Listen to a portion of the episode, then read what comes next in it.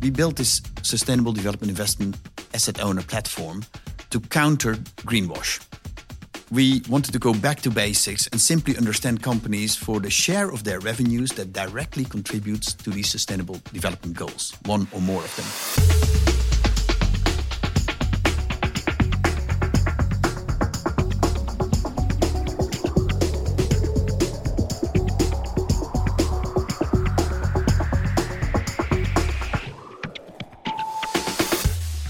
Welcome to Tackling. In this Loyens and Loeff podcast series, we explore the business, legal, and tax implications of social and economic trends for companies.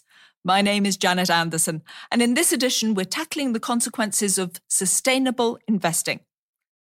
The challenges current and future generations are facing manifest on a global scale and impact virtually all citizens, such as climate change, pandemics, and world food supply. More and more people are demanding that not only the government, but every person and company should take responsibility in trying to make a contribution to overcome these international challenges. This point of view has real consequences for companies who are not only being judged on their financial performance, but also on their real world impact. In line with this, investors are being asked how do they manage their funds? Where are they investing their funds? And what impact is that money contributing to? In this episode, I'm talking with Pete Klop of pension fund PGGM about the investment choices PGGM is making and what they expect from the partners and other stakeholders they work with. And from Loyens and Loeff, Antoinette van der Houw is joining the conversation to reflect on what consequences this has for the legal M&A practice. Pete and Antoinette, welcome. Thank you. Thank you. Before we get into the nitty gritty details of sustainable investing, let me ask you something a little bit personal. What was your last personal sustainable investment, Pete? Good question. I'm a real poor investor, to be perfectly honest. But uh, the last thing I did on this front myself personally is I bought a share in a wind park. Okay. And what about you, Antoinette? Well, I'm afraid that is not that impactful of Pete's investment, but at least um, our last investment uh, related to outdoor solar lights and they are working pretty well, I can say. Well, I hope you both enjoy both of your investments. So let me start off with you, Pete, just to get us into it. What do we mean by investing in sustainability? Is it buying a share in a wind wind park like you did? It's a good question. Uh, sustainability in itself is a bit of a fuzzy concept, right? It's like like happiness. Where do you go and buy it? And I think it's more like a journey than a destination in itself, right? Sustainability is doing ever better in including all the things that have value, but not necessarily a price. I think this is the thing that is key to sustainability. Why do we talk about it so much? So let me understand that better. So it's not just how much things cost, but whether they have a better impact in the world. Exactly. It's all the things that we tend to care for, even though we can't necessarily buy it. You know, where do you buy climate stability? Where do you buy respect for human rights?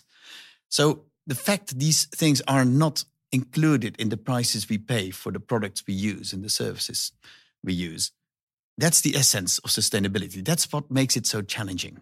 And this is really fuzzy, isn't it, Antoinette? So when it comes to investing in sustainability, you see that that's come up higher and higher on people's agendas. Are people saying, yes, we've got to do this now? Yes, that's definitely what we see. Huh? So not only the large corporates that, that that put this on their agenda, but we also see, for example, the private equity firms that that really put this high on their agenda. Not only because their investors, like the PGGMs of the world, are asking that from them, but also because they see that will actually add value to their uh, investments. Um, I think it's interesting. I read a report of PwC, and uh, they uh, interviewed uh, over 200 PE funds, mainly uh, located in, in Europe. And um, they answer to a certain question uh, why they um, put the ESG standards, so the environmental, social, and governance standards, high on their agenda because it will add value to their investments. Whilst last years, previous years, they answered that's because of compliance reasons, risk risk uh, driven.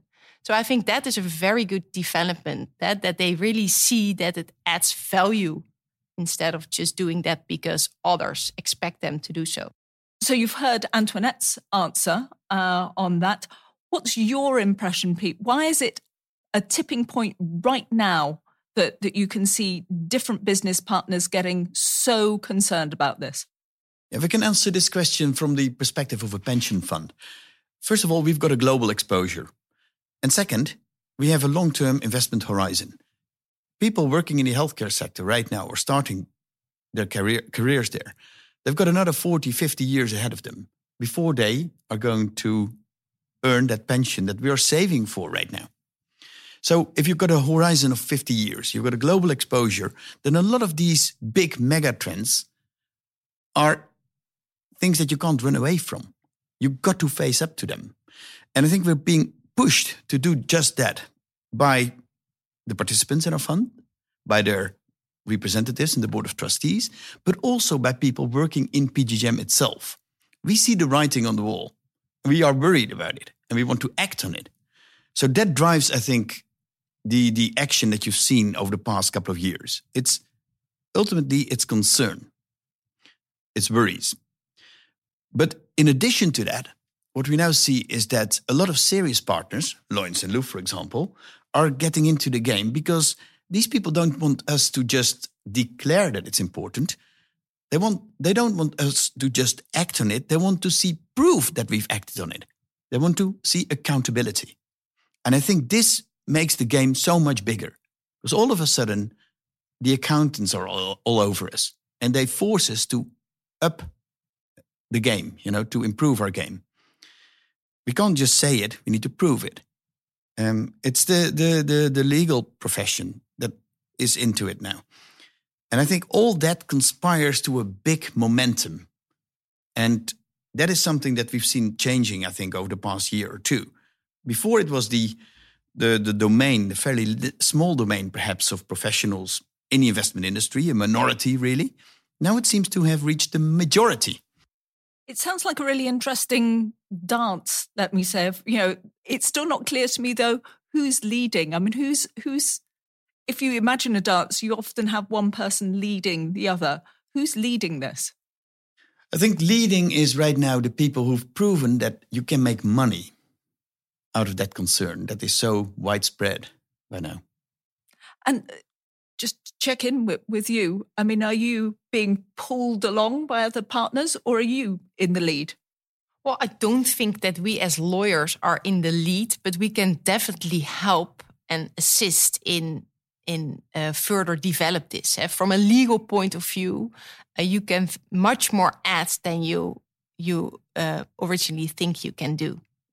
Um, by being creative. Think along. If you know your client's agenda and know for what they are looking for, you can definitely be of, of help. And that's also what we want to do. I think this is important because professionalizing this space is the next evolution, right? Before it was the the, the domain of, of activists. But now you've got to be compliant. You've got to prove that you've made made an impact. That's a different game. And I think it's credit to and Loeff that they've shown shown an interest, a keen interest, and and, and very very valuable support in in this movement. It still feels a little bit airy fairy to me. I mean, I'm wondering whether you can have a combination of a commercial approach where you're you really need to make money in the end with a green approach, Pete. Yeah, I think that is increasingly possible, and um, you know, just witness what Tesla's share price did over the past couple of years. So, in my mind, it's like a Venn diagram. These are two overlapping circles. One is what we want to and need to do financially, paying out pensions in our case.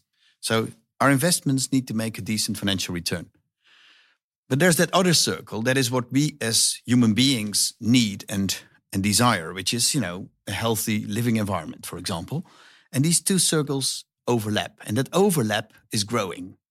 Witness Tesla. This is not just good financially for the participants in our pension fund, it's also good for the world at large, moving from fossil fuels to clean electricity. Um, where is the pressure coming from for you? I mean, is there a demand for accountability that is coming from public or is it coming from within companies? I mean, well, what are you responding to?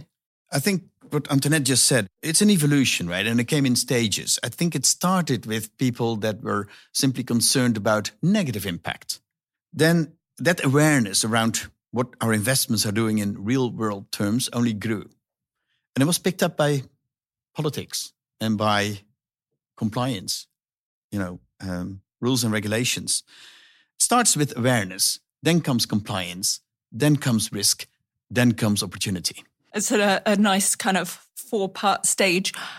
When you look at it from your point of view in M&A, I mean, you are very much about compliance and risk. I mean, where where are you positioning yourself on this idea of sustainability? Are you assessing compliance? Are you assessing risk? What are you up to in M&A?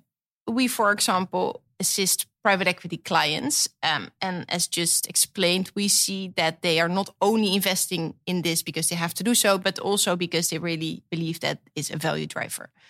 So, um, various studies have shown that um, these investors are also willing to actually buy a premium for this. So, actually pay for portfolios that that have a good ESG uh, reputation. So for us, it's therefore good to understand what's actually on our clients' agenda. Why are they buying such a company? This sounds really detailed, very um, precise to me, Pete. But I'm wondering when we look at this phrase greenwashing, is it possible that companies just kind of appear better than they are? I mean, is that something you have to watch out for? Is that a risk that you're considering? That's a huge risk a huge risk indeed. I think what is helpful it, is that sustainability has been defined as the Sustainable Development Goals, and it's been done by the United Nations. So that's all of us, you could argue. So in a way that already uh, forces upon us a certain amount of discipline. But even within those sustainable sustainable development goals, there's plenty of wiggle room. So you can easily claim impact where in reality there's none. And I think this is something we have to be guarding against very carefully indeed, because this could undo this entire movement, right? Um, if it's so easy to just fake it, um, maybe people will not even bother to make it. So be precise. How are you actually guarding against it then? We have to treat very carefully ourselves because, you know, um, we built this sustainable development investment asset owner platform to counter greenwash we wanted to go back to basics and simply understand companies for the share of their revenues that directly contributes to these sustainable development goals, one or more of them. And revenues is something you can easily establish, right? That's not a matter of opinion, that's a fact, you could argue. But just classifying companies doesn't necessarily make them into better companies. So there's it's a good start, it's a necessary start, but you have to do more to claim real impact, to claim a real difference that your investments have made on the world. Now, of course, Rome wasn't built overnight. So starting with a breakdown of revenues is perfectly sensible. But beyond that, we want to make sure that their actual impact, their actual outcomes have an actual meaning for one or more of these sustainable development goals. So then you talk about avoided carbon emissions or an amount of water that's been conserved where before it was just used up. So that's really measurable. Measurable outcomes, real world measurable outcomes. And you've already mentioned, uh, Antoinette, um, I asked you specifically about the M&A um, practice and you given you know loads of detail there. But i'm wondering about the bigger picture for loyens and loeff altogether. Um, it's not just m&a is it? I mean it, it is the whole company interested thinking about working on you know what, what's the relationship to sustainable uh, investing? Well i think first of all uh, we see now that there's a bunch of legislation coming into our direction. So from a strict legal perspective, we are we are digesting all these regulations and advising clients on those regulations. But I really, I truly believe that those regulations, and I think Pete, you basically say, uh, say the same, are just the minimum standards, right? That's it's just a start. So um, we are much more interested as as lawyers and as a firm uh, what will be beyond that. So not just implementing rules, but um, assisting in new initiatives. For example, our financing department is also working on green financing. That basically means that companies that are doing well in terms of sustainability, ESG, UN standards, they are able to get better terms on their financing. And that will actually have a much more impact ultimately. Um, and there are, are, a lot of new products being developed. And that is, of course, where we as lawyers can be very useful in documenting and in thinking along with the clients what they really need to develop those products. So we can use our, to say so, legal brains uh, to help them to, beyond that mandatory obligations, uh, implement um, green uh, goals. This is important because it's not just about what companies have done in terms of compliance. You know, well, that's important too. You've got to be compliant, but it's not enough. I mean, you get out of bed and you brush your teeth. That's a great start to the day, but it's not what the entire day is about. Same here. Compliance is a great start. Classifying companies for their past revenues is a great start too. But not enough. What you really want to know is how companies, also you know companies you know under an M&A uh, deal, are positioned vis-a-vis these sustainable development goals. How are they going to perform in the future? You know, for investors, the past is only so much important, or you know, there's a limit to that. It's about positioning. What is the next 10, 20 years going to do with that particular company? So, Antoinette, you say that you need to go beyond the absolute basics. How have you managed to do that? Well, actually, I think a great example of this is that we worked together with PGGM, APG, Australian Super, and BCI pension funds. So, actually, the big pension funds of the world on their SDI platform. So, SDI, what does that stand for? Sustainable Development Investments. And I believe, Pete, you can explain the details of the platform sustainable development investments, so the kind of investments that feed directly into those sustainable development goals of the United Nations. And uh, the value of this platform, I think, is twofold. First of all, it's an asset owner platform. So it talks from the top of the food chain, the financial sector food chain, um, which makes it perhaps more important than you would otherwise assume, because it's the asset owners talking here and money talks. um, it's important that we bring a little bit of method to the madness. I mean, sustainability is, as we started with, is a very fuzzy notion or concept. It got slightly better with the sustainable development goals, but we need to do a whole lot better for investments or investors rather to really buy into it. You need to be very specific as to what are the solutions you're actually looking for. And to what extent are companies producing those solutions? So that's what the SDI asset owner platform tries to do, bringing a little bit of method to the madness. Now, looking back is one thing of one part of it, but in the future, we'll also look at patents, at M&A activity, at capital expenditures to get a firmer grasp about that positioning of companies vis-a-vis future trends. And indeed, you know, the next 10, 20 years. So you don't want just to look back and label companies for their contribution to the SDGs, the Sustainable Development Goals. You also want their future contribution to and of course you can't really prove that. Nobody can prove the future but you can make at least plausible assumptions as to what that company is going to do to climate change to aging to whatever it is. It sounds like a fascinating platform. How difficult was it to actually put the detail together um, of of this? So actually what we have done we we documented the terms of collaboration but for being able to doing so, you have to actually understand where they stand for and what they would like to achieve.